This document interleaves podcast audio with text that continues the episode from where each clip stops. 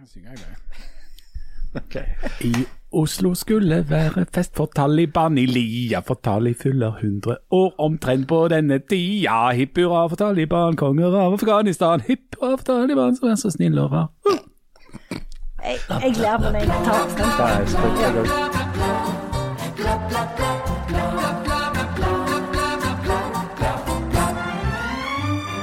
Taliban er altså i Norge, og selv om det virker ko-ko å se denne skjeggbanden på et privatfly, kanskje var det litt lurt å invitere de likevel. Ellers, Jan har vært ute og truffet ingen folk. Spennende. Janne får kritikk, endelig, og koronapandemien er endelig over. Nei da, jo da. Nei da, jo da. Nei da.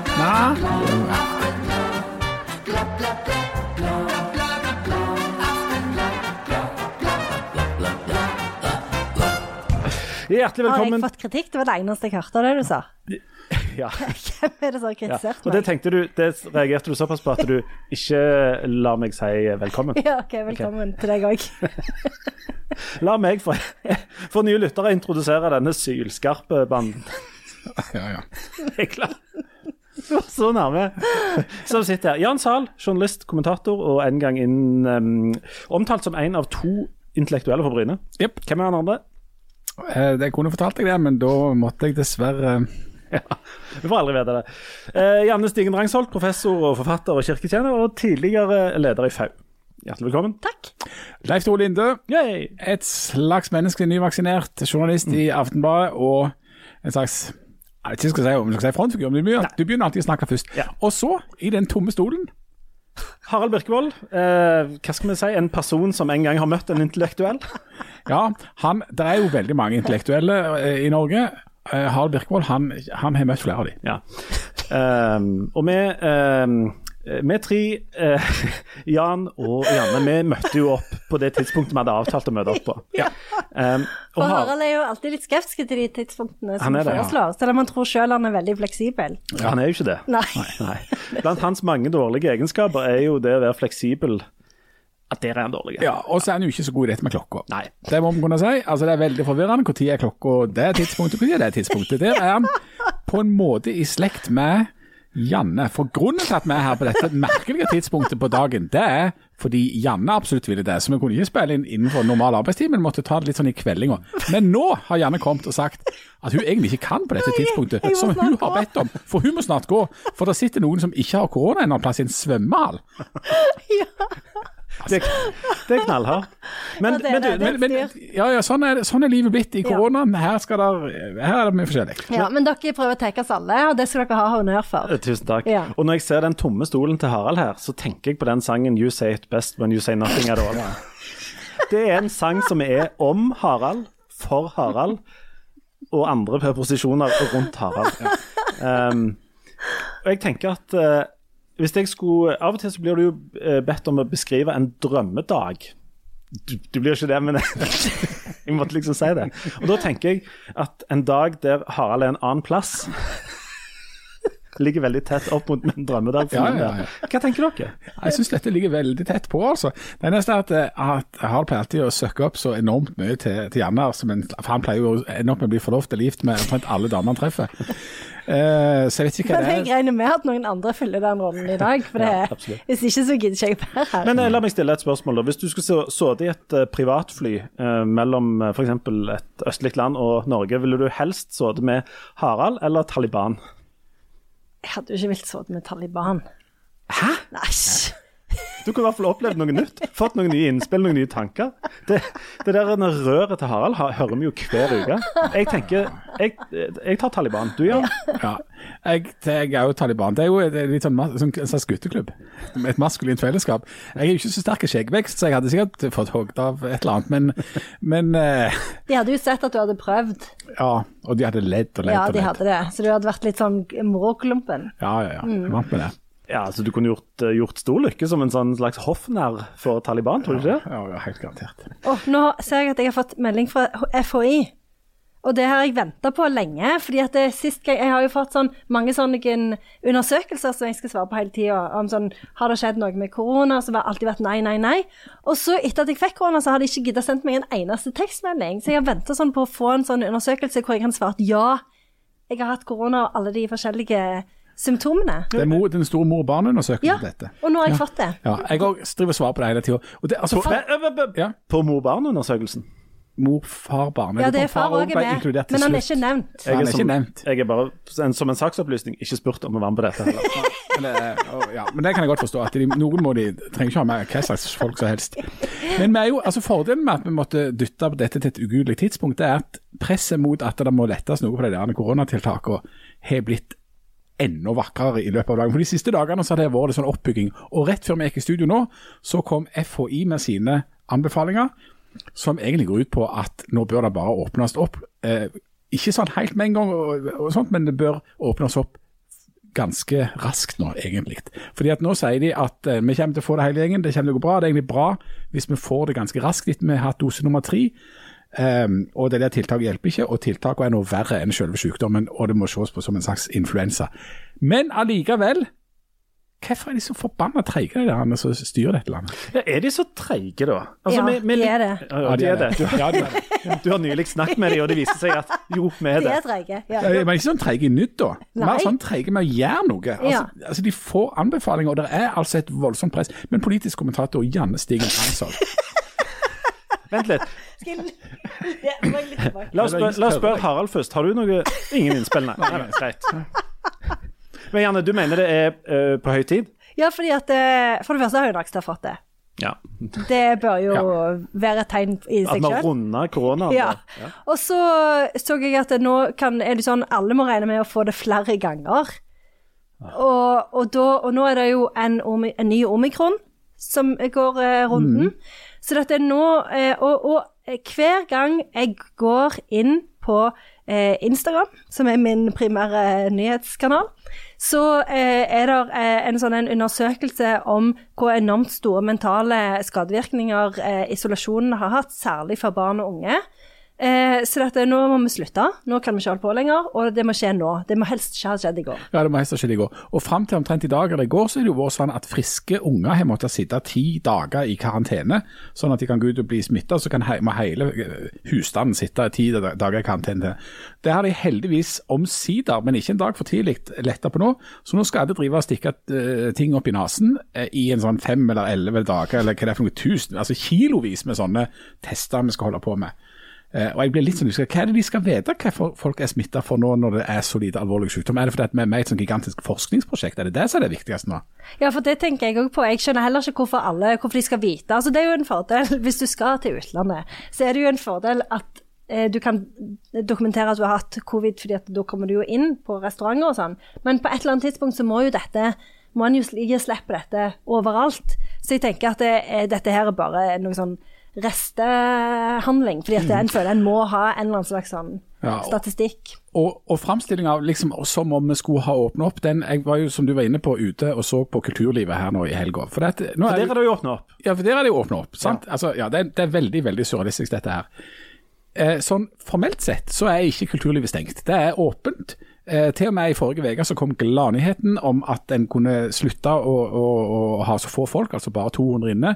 Nå skulle det være rom for å ha 1500 folk inne. Men så sto det med en liten skrift litt lenger nede i gata der at du måtte ha det delt inn i kohorter på 200 som måtte ha egen handikaptoalett og, og garderobeforhold og ditten og datten, som i praksis betyr at ingen at det har null effekt for noen som helst. Sånn at Du er i en situasjon der det liksom er åpent kulturliv, der det liksom eksisterer noen slags sånn støtteordninger som skal gjøre at kulturlivet er i gang. Og så var jeg da ute og så på kulturlivet på lørdag, etter å ha gått gjennom hele byen, der det var åpent overalt. altså På dagtid masse folk ute og handla, topp stemning.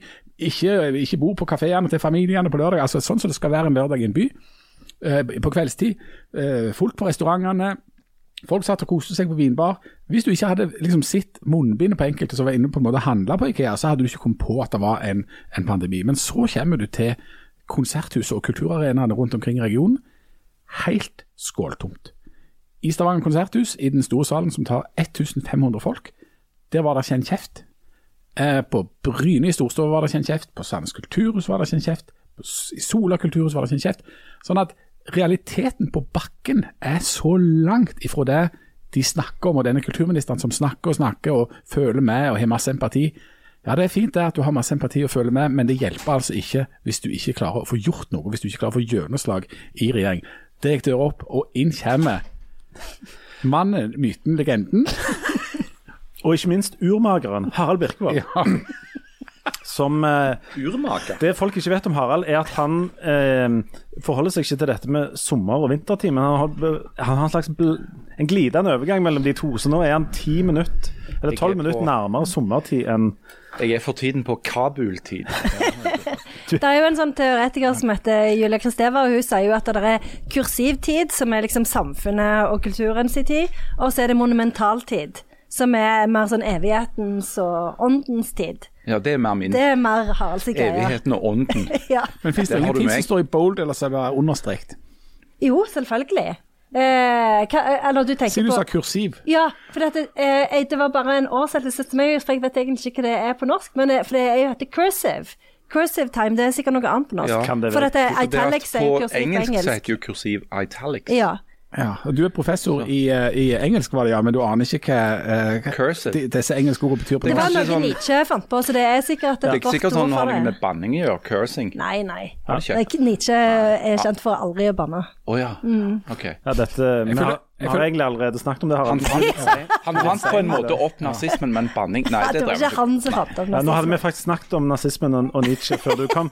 Å det ja, er litt seint for deg å hive deg på. Men jeg syns det gikk veldig bra, det der innlegget jeg liksom holdt nå om, om tiltak i Ja. kulturlivet. Det følte jeg liksom, det landa fint. kan jeg, kan jeg eh, si noe til det? For jeg er helt enig. Og eh, nå har jo jeg ferdig med å se den verdens beste TV-serie, Station Eleven, eh, og som jo handler om eh, eh, postapokalyptisk tid.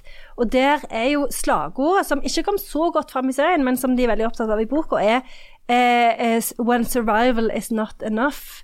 Så der handler det jo om at det som menneskene trenger i postpandemien, er jo kulturen. Shakespeare. Det er Shakespeare de trenger, viser seg. Det er ikke mat uh, og Mm. Jo, jo, men de må jo ha, det er jo bra med solcellepanel og alt det der. Ja, de har den behovspyramiden. Ja, de har Du, la, la meg spørre om, eh, om en litt sånn uh, formalia ting oppi dette. her. Eh, er det ikke sånn at regjeringen må åpne opp når det ikke er faglig grunnlag for å holde stengt? Jo, det står i smittevernlov. Ja, og nå har jo FHI, rett før vi gikk inn i, i studio her, eh, og du har gjerne opplevd mange ting mens vi var her, Harald, for du kom jo noe seint. Uh, jeg vet ikke om det har skjedd noe liksom Jo, altså, jeg kom jo litt seint, så dere gjerne har vært innom tidligere i denne podkasten. Vi snakket litt om deg, sånn som du gjorde en annen gang. Sånn Og så var jeg så nervøs for jeg kjørte nedover, på, og så var jeg akkurat redd for at det skulle skje akkurat det som har skjedd nå. At dere hadde begynt uten meg. Sikkert en del hets og helsike, men òg at Jan har sannsynligvis sittet og ausord seg og emja om denne her kapitalismen som han elsker overalt i verden. Altså, det er jo en av grunnene til at jeg er her, at jeg må være en slags motvekt til den der galskapen som Nei, kommer. men jeg, jeg snakket om den kommunistiske staten bare, som stenger ned samfunnet og ikke lar kapitalismen få Tenkte utfordre seg fritt. ikke. Tenkte jeg det ikke. Men hvis dere holder fred litt grann nå. altså eh, Myndighetene kan ikke holde stengt og innføre tiltak når det ikke er grunnlag for det. ikke sant? Nei. Eh, og nå er det ikke grunnlag eh, FHI mener at det ikke er grunnlag for det. sant? Ja, men gjør Støre det? Det er han som Er det han som bestemmer om det er grunnlag for det han skal bestemme etterpå? Men nå, Ja, på en måte så er det sånn, Leif Tore. For det at eh, du har eh, ja, det, har, smittevern, det snakket vi om før du kom. du har smittevernloven. Der står det helt klart og tydelig at du har ikke lov å innføre tiltak uten grunn. Eh, Men så er det jo det vi har levd med nå i snart to år, det er at det kommer eh, innspill fra FHI, og så kommer det innspill fra, eh, fra Helsedirektoratet. Og så kommer det hilspill fra partene i næringslivet og interesseorganisasjoner og, og sykehjem og hvem det måtte være. Og så sitter til slutt regjeringen, når alt kommer til alt, og vurderer dette her opp og i mente. Og så kommer de fram til en, et tiltak som gjelder for en periode. Så, sånn, dette er vi jo vant med. Men det interessante, det er det interessante er nå i økende grad da, altså at FHI, som er Folkehelseinstituttet, som, skal, som ser på folkehelsa og ser på andre ting enn bare hva du har, måtte ha i- av lungesykdom, de kommer med noen anbefalinger. Tilfeldigvis bare det eksempelet med kulturlivet. De anbefalte at en kunne ha en meter mellom hver, at en kunne ha halve kapasitet.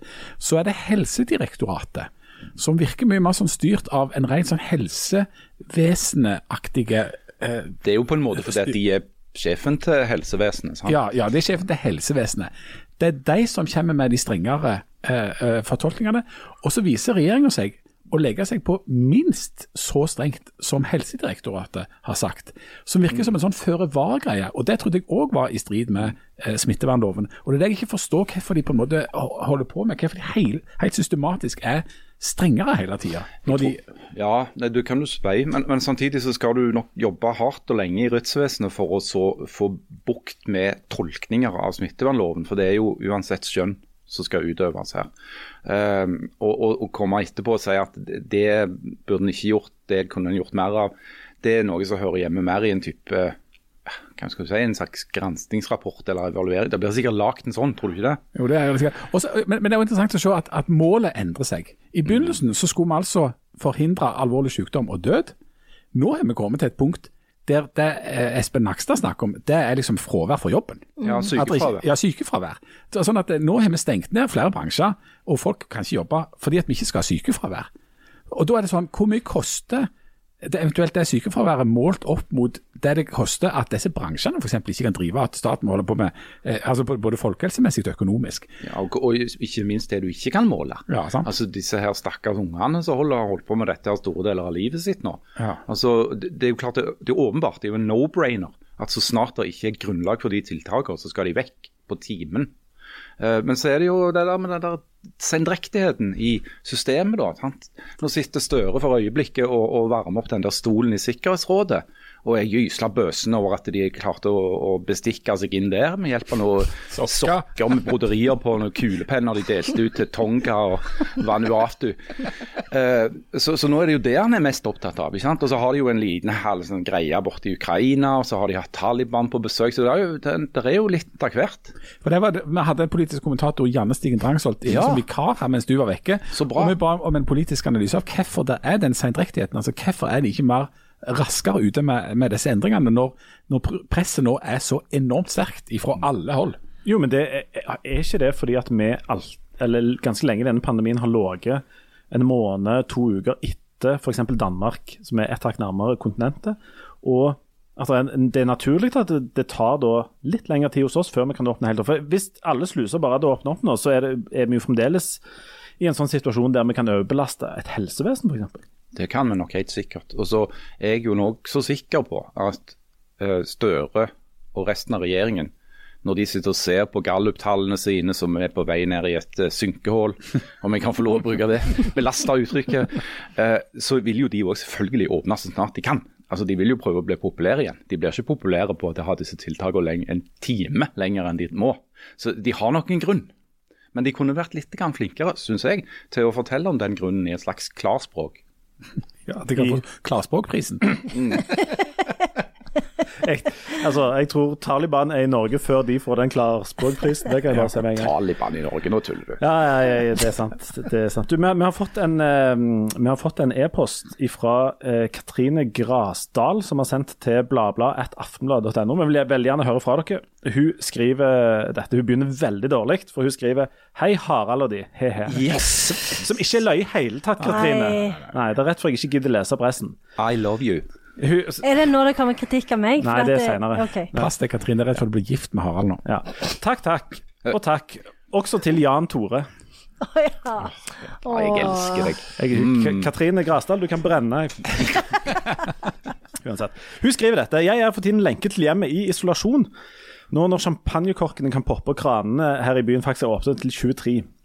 Eh, og på vei hjem fra teststasjonen i sentrum etter to timer i kø utenfor obligatorisk test, ble jeg trakassert på åpen gate. Gratulerer med det. Jeg hutret av gårde bortover fortauet, febersyk og blek om nebbet, og ble angrepet av en kråke. Det høres ut som noe Janne kunne ha oppført. Ja, og så skriver jeg videre om denne kråka, som altså klorte og lugget meg i håret og prøvde å stikke av med headsetet mitt. Og så kommer forklaringen. Det er tunge tider i Bergen by. Vi har blitt angrepet av ei kråke i Bergen, Der har du Bergen. Nemlig. Eh, og så har jeg et tips til Harald. Hvis han skulle få pesten i februar, av alle de tingene som ikke hjelper mot korona, er calvados ganske bra. Tusen, tusen, tusen takk. For meg- jeg har tenkt det at med min flaks, Ja, med den kontinuerlige mørke skyen som henger over meg og mitt liv, så kommer jo jeg til å få korona i det øyeblikket denne hvite måneden er over. det gjør du. Ja, ja. Ja. Hun skriver til slutt eh, For meg har også Aftenbladet bidratt til å lette isolasjon, og på lørdag toppet vederkvegelsen med denne med kombinasjonen av Calvados og Aftenbladet. Tre byer. Og så skriver hun savner andaktene og litt tyn av Odda. Så Jan her godt må du bare, må du Så du bare ignorerer at jeg fins? Ja. Jeg er ikke nevnt med et ord. Nei. Nei. Og det ok. synes jeg- Takk skal du ha, Katrine. Høydepunktet i denne eh, Jeg elsker deg, Katrine. var at du ikke nevnte Janne i et eneste, eh, med et eneste ord. Hvorfor er du så glad i henne? Ja, fordi at hun, hun liker meg, jeg liker hun. Det er en ren trade-off. Ok, Videre til neste. Videre tema. til neste. Du, Før vi skal ta en liten pause, så tenkte jeg Nå har jo Harald kommet her. Med, du er litt sein. Bare helt lite. Altså, Enten jeg går tidlig eller kommer seint, så er det det samme jækla hetsen. Men du skal jo helt være der hele tida. Ja, det er jeg jo vet det jo som det, er men jeg sto og rørte i noen risengrøt, og så glemte jeg ut tida. Sto du og rørte med risengrøt? Nå kommer du rett fra 1800-tallet. Rett fra 1800-tallet. Det er så bra. Etter Full Fullt du, opp av tanker om patriarkatet sin fortreffelighet. ja, etter du slutta å, å, å drikke, så har du begynt å gå tur rundt Mosvatn og, og sitte hjemme og kinne smør og røre i grøt. Ja, det Stemmer er det, stemmer det. Det er mye naturbilder eh, på Instagrammen din nå. Ja, men det er jo bare det- Livet mitt er jo fullstendig tomt for mening, så jeg må jo bare gå rundt og gjøre sånn som alle andre. Har du tjora ei ku til pipa? Og... Oi, oi, oi. Nei, men du, Siden du kom litt seint og egentlig ikke har bidratt til noe etter du kom, så tenkte vi at uh, vi skulle Fytti grisen. Så tenkte vi at du skulle eh, puste liv i den gamle spalten. uh, Harald Birkvold snakker om noe litt kjedelig i tre minutter. Uforberedt. Uforberedt. Uforberedt. ja. Ja, for hva kan det være? Hva kan Den, det være? den har jeg savna, den Ja, og det er ingen andre som heller har savna den. Så skal du lage sånne irriterende lyder i bakgrunnen òg, jeg Jeg, jeg, skal, jeg skal ta den vanlige introen, som jeg jo har bare gjort én gang. Men um, jeg tenkte at dagens tema skulle være uh, Ukraina-Russland-konflikten. Og du har tre minutter ifra nå, etter denne lille fine introen, som jeg og Jan skal ta. Er du klar, Jan?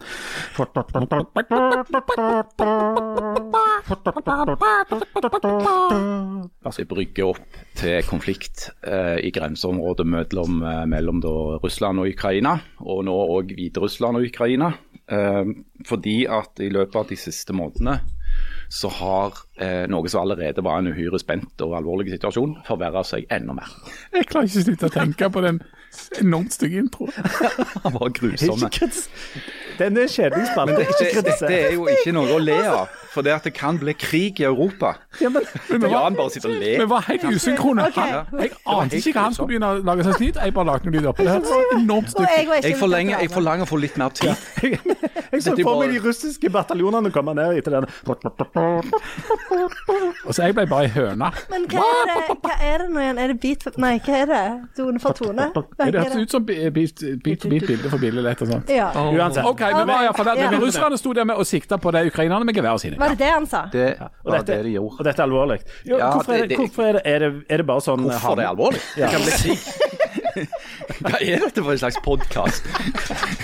Det gikk kjempegodt helt til du kom. Begynn helt fra begynnelsen. Uansett, situasjonen er uhyre spent. eh, fordi at Russland har jo stilt noen krav eh, til eh, Nato, og hovedsakelig til USA, om at Nato skal slutte å utvide seg selv østover, altså inn i eh, tidligere sovjetrepublikker, som Putin eh, mener er eh, russisk interessesfære. Eh, De vil ha garantier om det. De vil ha garanti om at eh, Ukraina sitt, sin søknad eller ønske om å bli medlem i Nato skal bli avvist for all tid. Eh, det er jo garantier som det er veldig vanskelig for Nato og USA å gi, av mange grunner. For det første fordi at det, Prinsippet er jo at et land selv kan bestemme sin egen eh, retning utenrikspolitisk. Eh, noe som Jens Stoltenberg stadig gjentar. Eh, og fordi at en, en sånn løsning som Russland etterspør, det vil, få, det vil egentlig innebære en helt ny sikkerhetspolitisk orden i Europa. Der du kan liksom diktere hvor og i hvilket omfang det går an å bygge opp f.eks. allierte styrker. Så dette er en farlig situasjon. Det står over 100 000 russiske tropper eh, veldig nær grensen til Ukraina, og de kan komme til å invadere landet på veldig kort varsel. Og det jeg ikke forstår, og jeg har tross alt hovedfag i sammenlignende politikk, og her må du sammenligne politikk noe voldsomt, det er hvorfor i all verden Putin gjør dette. Fordi at han kommer med noen krav til Vesten som det er kliss umulig, og det vet Putin, å få innfridd. Altså han, Nato og Vesten og USA kommer aldri til å si Nei, det er helt fint at du eh, Vladimir som bestemmer hva, hva Ukraina og alle land rundt eh, hva, hvor de vil være med. Altså, Han har ikke sjanse til å få gjennomført det. Samtidig så vil en konflikt, altså en krig, være så kostbare for Russland i form av sanksjoner, og i form av økonomi og i form av absolutt alle ting. Så hvorfor han gjør noe som etter mitt ringer ved bare fører til sånn tap-tap? Altså Hva i all verden kan han vinne på dette? Jeg har, jeg har lest en del sånne lange, ordrike analyser om dette her de siste dagene. Eh, og Noen analytikere peker på at Putin kan ha flere siktemål. Det ene er å styrke sin egen posisjon i Russland. Som Eh, sterk mann. Med det, ja, med det gode, gode gamle trikset ytre fiende. Eh, Som han jo har brukt, eh, det er jo et spill han har spilt i, i, i alle år, eh, og som man ikke på noen måte er alene om. Det har blitt brukt av både amerikanske presidenter og britiske statsministre og andre opp gjennom tidene.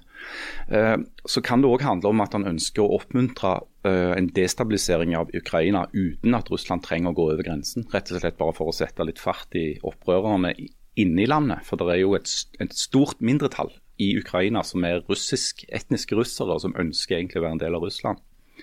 Og så kan det òg være at, Putin anser at eh, hvis han nå allikevel skal gå til krig, eh, så kan dette være et gunstig tidspunkt. fordi at Russland sin eh, før helt elendige økonomi har blitt mye bedre i det siste pga. de skyhøye prisene på gass. Og Han vet òg at han har et energipolitisk pressmiddel med at han kan stenge gasskranene til Europa. Og med det stenger vi spalten Harald Birkvold snakker kjedelig om noe veldig viktig, med eh, en outro.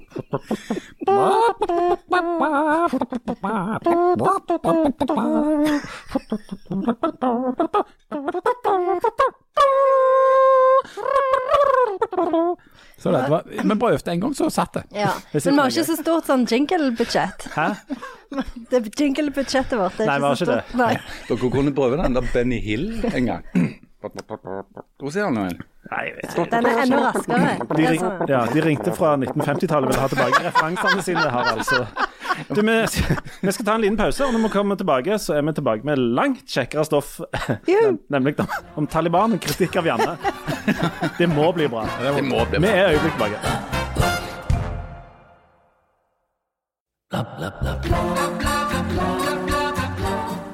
Hjertelig velkommen tilbake til Aftenbladet. Skal vi ta en e-post til? Um, Er, er den òg fra noen som elsker meg? Uh, ikke akkurat. Er det nå, er det kritikk av meg nå? Nei, vi venter med den. Dette er fra Eirin Nordbø eh, Akselrod, eller Akselråd. Litt usikker. Hei. Jeg er en splitter ny lytter. Hjertelig velkommen skal du være. Jeg begynte å høre på episoden fra 12.1. Jeg tenkte dere snakket spesielt til meg i den episoden der dere tok en presentasjonsrunde for nye lyttere. Og det må vi jo gjøre. Det stemmer. Ja. Eh, Jeg søkte opp navnene for å få et ansikt til de ulike stemmene. Bare en liten pause her. Har dere googla dere sjøl vet hvilket bilde som ligger først? Nei. Ikke gjør det. Um, så skriver hun Syns det var rart at Harald eh, med sånn fint og forholdsvis mye sølvrevhår skulle ha hvit måne. altså som i Ja, det, var måne? ikke, det var ikke før Janne påpekte at det var mer synd på hun enn Harald, siden hun ikke kunne smake vinen, at jeg forsto at Harald ikke hadde måne sånn, men hvit måne.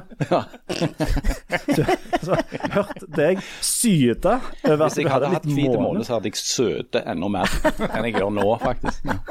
Men, Ja, dobbelt, da. Ja, Dobbelt hvit måned. Ja, ja, ja. Men du er nå i innspurten av denne hvit måned, sant? Ja, jeg er det. Um, hvordan Ja, hvordan Nei, går det? altså det, det er jo uh, i bunn, altså Nå er det mindre fælt. Så jeg tror jeg begynner å bli edru. Det er det som har skjedd. For det at nå har jeg liksom begynt å like det litt, nesten. Oi. Ja, altså Du er jo veldig sånn fresh, da. Takk. Sant? Og, ja, sånn som deg. oh, ja, ja, det er sånn som du alltid er, egentlig. Det er det det. Sånn, Men- sånn er jeg nå. Vurderer du å forlenge perioden, er det det du sier?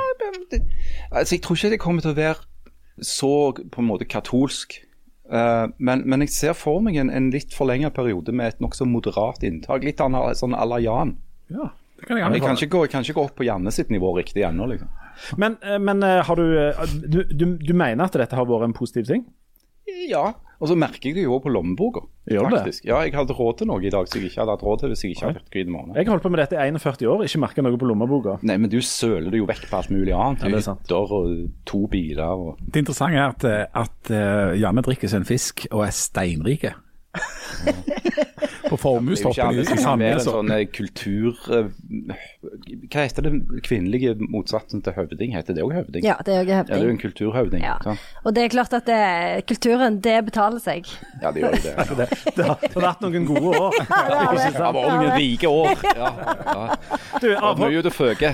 Ja. du, det er jo mye, er jo mye bra avholdsfolk i verden, antageligvis. Og mange av de er jo litt ute og fyker nå. Vi, vi så jo nettopp bilder av um, ja, ja, ja, det var jo en delegasjon avholdsfolk fra Kabul. nemlig. Ja, denne uka- Kabul i UGT. Ja. Ja,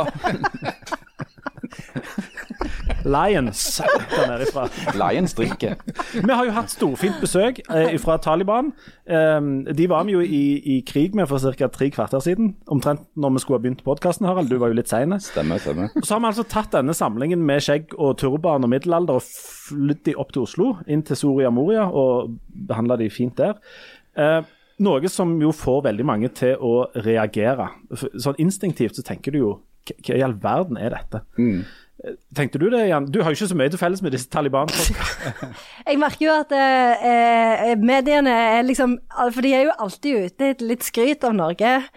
Til og med når Taliban er der. Så det er jo litt sånn Noen intervjuer hvor det er litt sånn på grensa til å være litt sånn at de nesten er norgesvenner, Ja. på linje med Smokey og, og What do you think, about, what do you think about the Norwegian girl? Very good, very good. Have you ever been to Norway before? Hvis Taliban hadde bestemt, så hadde jo du vært enda mindre på turné enn du har vært de siste to åra, faktisk. Det er jo òg veldig fint med Taliban at de er liksom litt sånn Først er de litt sånn unnvikende med disse her eh, kvinnene som nylig demonstrerte og som har forsvunnet. Og så er de litt sånn Ja, men de har bare gjemt De har bare gått og gjemt seg. Og så i neste intervju så er de sånn De har fått det de fortjente. Så Jeg vil vel si at Taliban på mange måter er enda verre for kulturlivet enn koronarestriksjonene. Ja, Enn Støre. Enn ja. Nå syns jeg vi skal være forsiktige med hva vi sammenligner med, med hva her. Men, men disse eh, tall det er Veldig mange som eh, tente veldig når de så disse bildene. For det å se denne nokså eh, fundamentalistiske gjengen sitte i et privatfly eh, ser ganske sånn grelt ut. Men Janne ble glad, for du, du var veldig glad for at de ikke var å se på SAS Go. Jeg hadde blitt stressa hvis de kom inn på Sasko, Hele den der gjengen. Og så satt jeg der og var klar til å bestille et glass vin og, Eller hvis og de- kose meg. Eller hvis de reiser hjem igjen med hver sin sånn lusekofte fra Se og Hør. sånn. Sånn Tosca-kofter. Yes, very good, we come back. Men Det er klart, det er, klart at det det var- er opprørende. Ja, men det var riktig valg med privatfly. Ja, Det var det. Men, men, men ja, Du kunne jo ikke satt dem på, Nei. på SAS Go. Nei, det kunne du ikke. Kjører SAS på Kabul nå, eller er det, må- er det sånn Ja, Kabul det Airlines eh, Altså, SAS Go? du Du må i hvert fall ha mange mellomlandinger. Economy class, Det liksom, Kjempelange Ledelsen i sånn. Taliban eh, liksom bak forhenget der. Star på- Alliance. Oh no, no, just one handpack and one piece of hand luggage. Og uten å Skal ikke tøyse for mye med det, men når, klart når, det, de ti-tolv stykk stapper inn håndbagasjen der, så tror jeg det hadde blitt rolig i flyet. Uansett. Uansett. Var det, eh, det Allikevel så er det jo mange som mener det er riktig å invitere eh, Taliban til Norge. Og Hvorfor skal vi gjøre det, Harald? Selv om du kom litt seint i dag. Hva mener du om det? Altså den, den grunnen til at det er, tross at dette er et opprørende syn, og at det er egentlig litt vondt å se på, så er det nødvendig, tror jeg, fordi at det er så viktig å få en avtale med Taliban, sånn at hjelpeorganisasjonene som skal prøve å gi mat til de stakkarene, og det er snakk om mange titalls millioner i Afghanistan som ikke har mat, det er vinter, kaldt, Eh, de trenger sikkerhetsgarantier fra Taliban, for det er de som er de reelle makthaverne i landet, enten vi liker det eller ikke. Så det handler vel på den måten om å holde seg for nesen og snakke med Taliban, for det at det ikke er noe godt alternativ. Jeg merket i en av disse utallige innslagene og diskusjonene rundt dette her, her om dagen, så, så slo det meg hva er det de faktisk står der og sier nå? Altså hvis du, hvis du tenker på hva det faktisk er snakk om her, så er det helt surrealistisk. For det som er på en måte forhandlingskortet, det som Tal Taliban nå skal, skal vurdere, eller som muligens kan oppnås, det er f.eks. at jenter over tolv år skal få lov å gå på skolen. Altså Tenk på den setningen der. Eh, Eller at de skal respektere menneskerettighetene. Altså At de f.eks. ikke skal drepe, eller at det, at det er lov å snakke høyt og si hva du vil. Altså. Men, men det at, at det skal være en forhandling i 2022 om at jenter over tolv år skal få lov å gå på skolen, det sier jo noe om at vi, vi er i sånn år 900 omtrent. Altså. Det er helt klin kokos. Ja, og der er jo eh, Afghanistan i en særstilling nå, for det er jo absolutt ingen andre land i verden som har en regel hvor halvparten av befolkningen ikke får skolegang utover tolv år. Ja, det, det, men, men forholdene i Afghanistan for de folka dette til syvende og sist handler om, er jo elendige. Som du sa, Det er 25 millioner som risikerer å sulte. Men det er, en, det er, en, diskusjon som går langs to akser. for Det ene går på det, det, det spørsmålet som jeg nevnte nå. Eh, vi trenger garantier for Taliban, sånn at eh, hjelpeorganisasjonene kan jobbe. Og så, hvis Taliban skal få pengene som de, de, har stående i banker i utlandet, som tilhørte den afghanske regjeringen som de styrta, eh, hvis de de pengene skal hvis de skal få tilgang til de, så kan du begynne å diskutere sånne ting som skolegang for jenter, ytringsfrihet, de tingene der. Eh, men så er det jo sånn at som alltid i internasjonal politikk, så, er, så kryr det jo av paradokser og en god del dobbeltmoral. Norge er i ferd med å sende en svær delegasjon til Kina for å delta i OL i et land som ikke har ytringsfrihet, som ikke respekterer menneskerettighetene. Når kongen av Saudi-Arabia døde for et par år siden, så sendte vi kronprins Haakon ned sammen med en gjeng med fundamentalistiske islamister og kalte de for våre nære allierte. Vi gjør, vi gjør forretninger med oljeselskaper i Norge gjør forretninger med islamistiske diktaturer hver dag. Sånn at det er, er en sånn hastemt moralske suppe der som du kan få litt avsmak for òg. Eh, for det at Taliban, enten du liker det eller ikke og tenker på det, er ikke de eneste fundamentalistene vi omgås tett.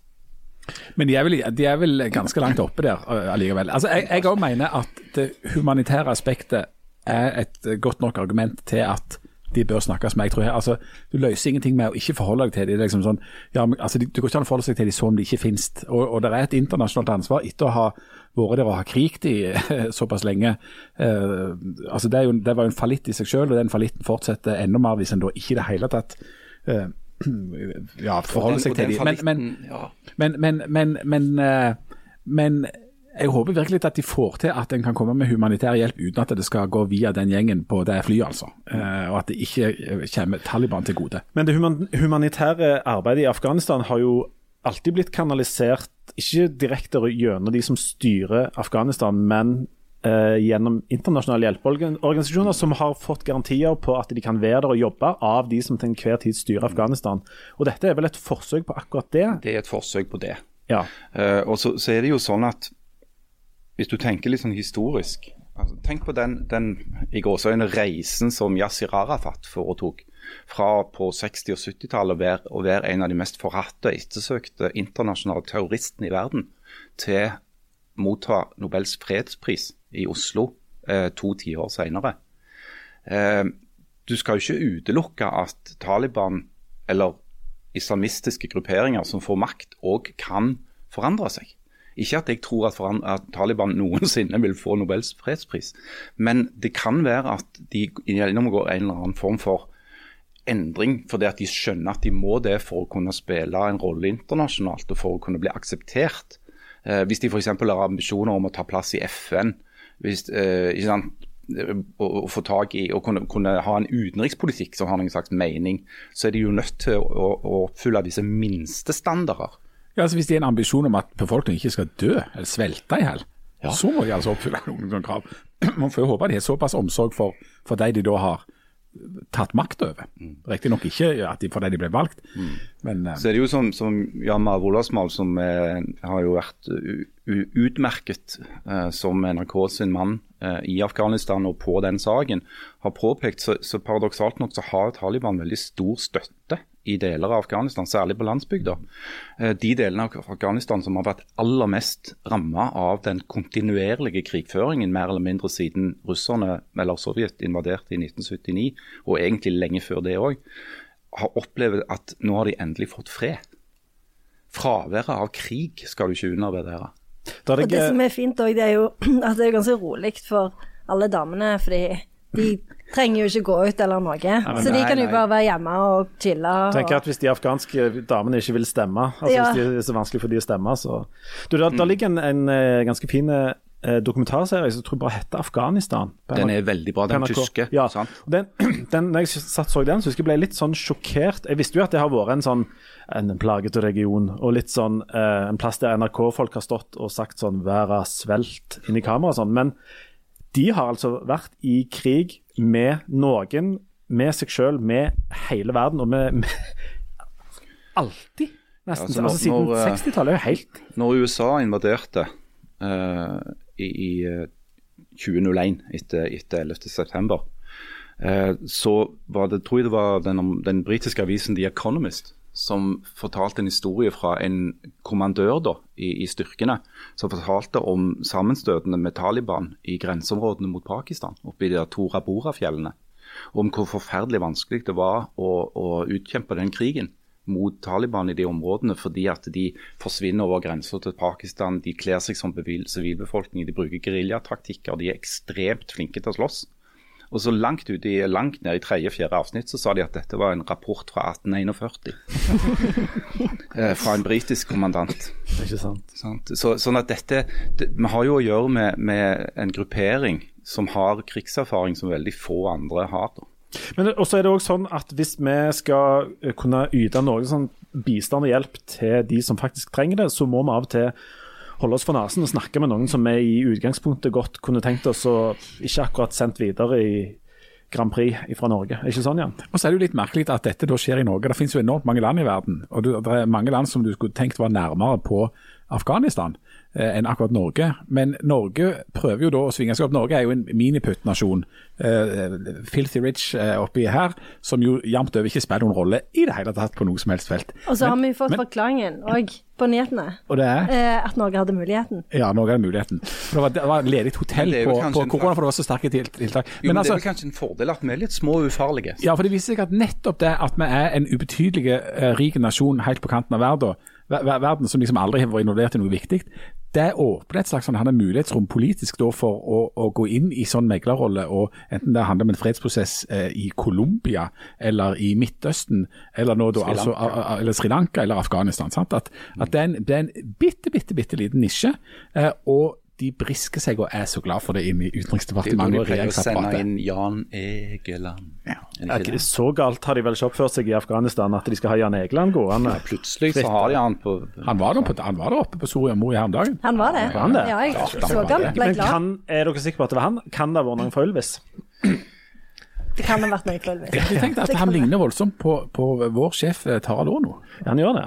At eh, Jan Egeland og Lono, hvis de hadde gått inn i en slags duett, så kunne det sett ut som det var Ylvis-brødrene. Er ikke de det. på, omtrent på samme alder nå? Jeg tror det. Altså. Og så tror jeg, men Er han gift til Egeland, eller er han født Egeland? Han, han, han andre er iallfall født til Åno, og han ville gjerne hatt eh, et barnebarn som heter Yoko Åno. som som jeg Har, er har, har, han, har han en datter som heter Yoko Ono? Nei, dessverre ikke. Nei, det er litt dumt. Han prøvde på det. Um, eh, det, det får uh, um, Det får stå sin prøve. Det får stå sin prøve, ja. ja. Og på mange måter så har det jo vært et annerledes år. Du kan, du kan prøve det i neste kull, Tarald. Ja.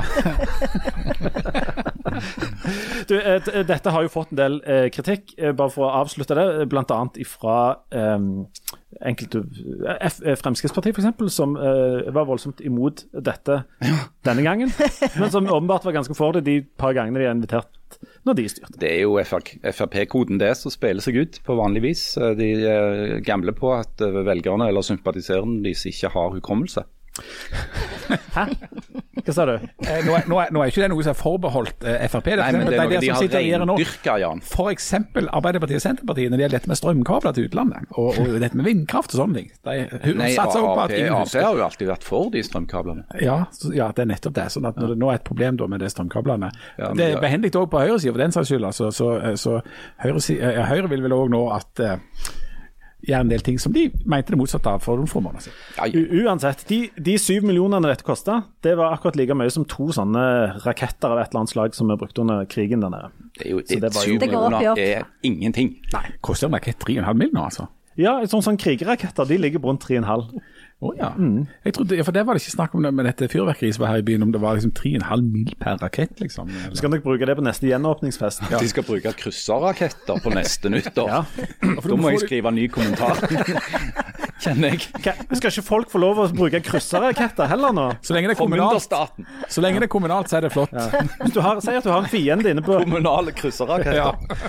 Si at vi har fiender på Hvis vi har noen Bjørpland Jørpeland f.eks. som er, har uoppgjorte Du ting kunne med jo få på en måte løst to problemer på Ja. en gang. ja. En Det Scud-rakett inn der mener jeg var er helt greit. Du, vi lovte eh, Det var før du kom, Harald, for du var jo noe sein her.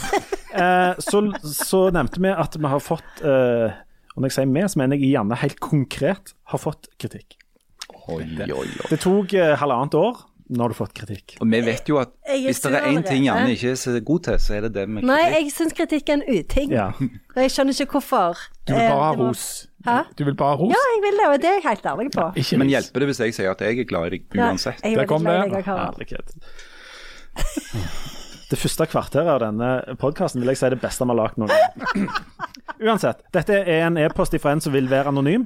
Selvfølgelig. Men han har altså hørt på, eh, på den podkasten som vi ga ut, eh, slapp ut 19. januar. Og det du får kritikk for her, det er at du er veldig patriotisk på eh, Sandnes sin vegne. Stolt uh, Sandnes-bu liksom helt tatt. Men dialekten, nei, den har du svikta.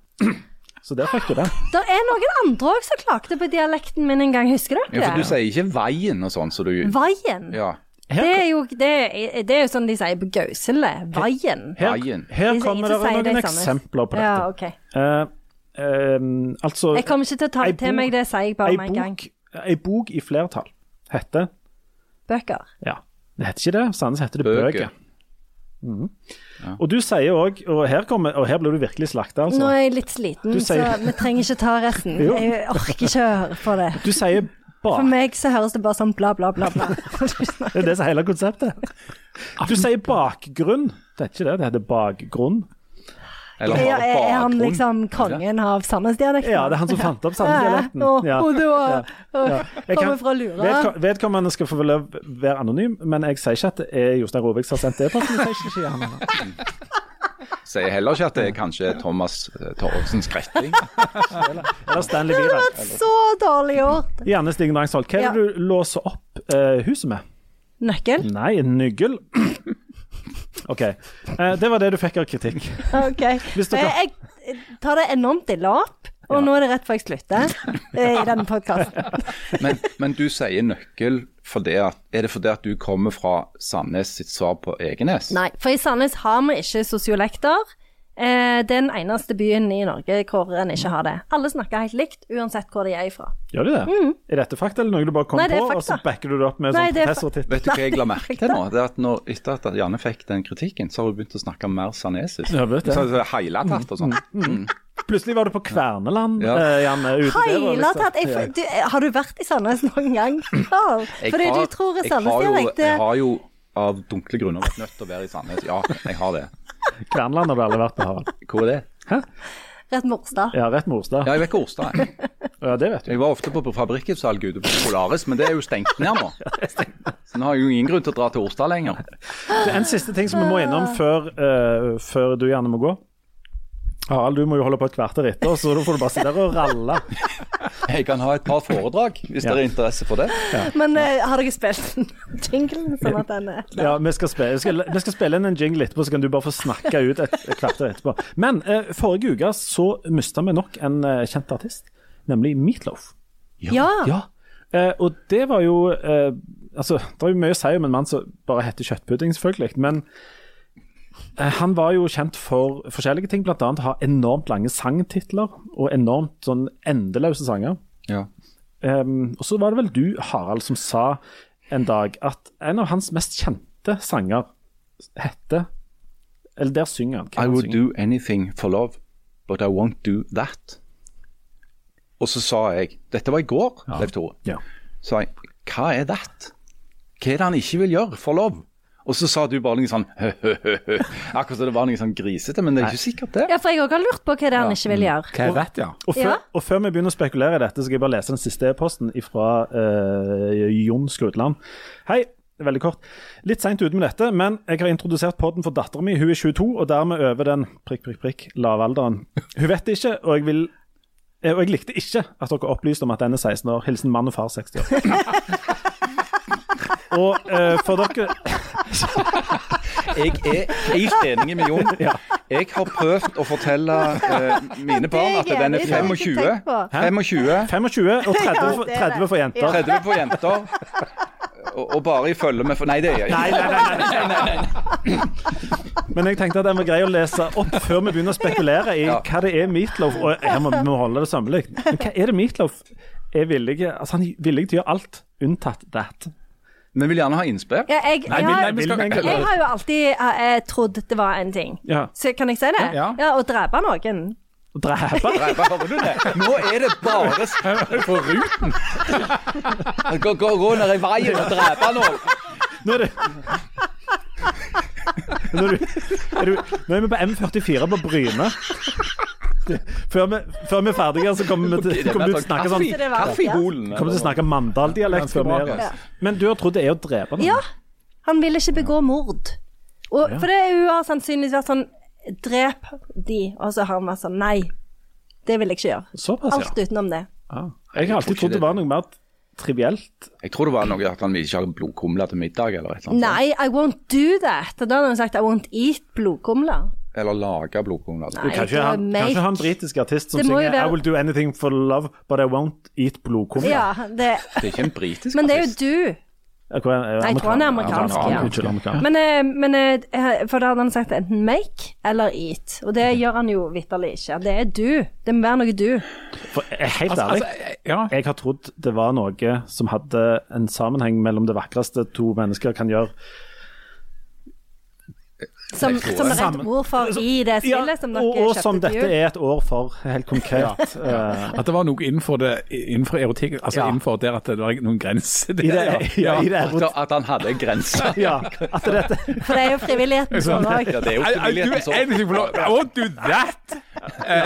Ø, liksom. Ja, et eller annet sånt. That? Nei, nei, nei. Nei, nei. Et eller annet sånn type Nei, jeg, det der tar jeg meg ikke på. Det der tar jeg ikke på meg. Altså, jeg kan være med på mye, men sånn, men sånn postmannsuniform, det gjør meg veldig bekymra. At det var det han ikke ville.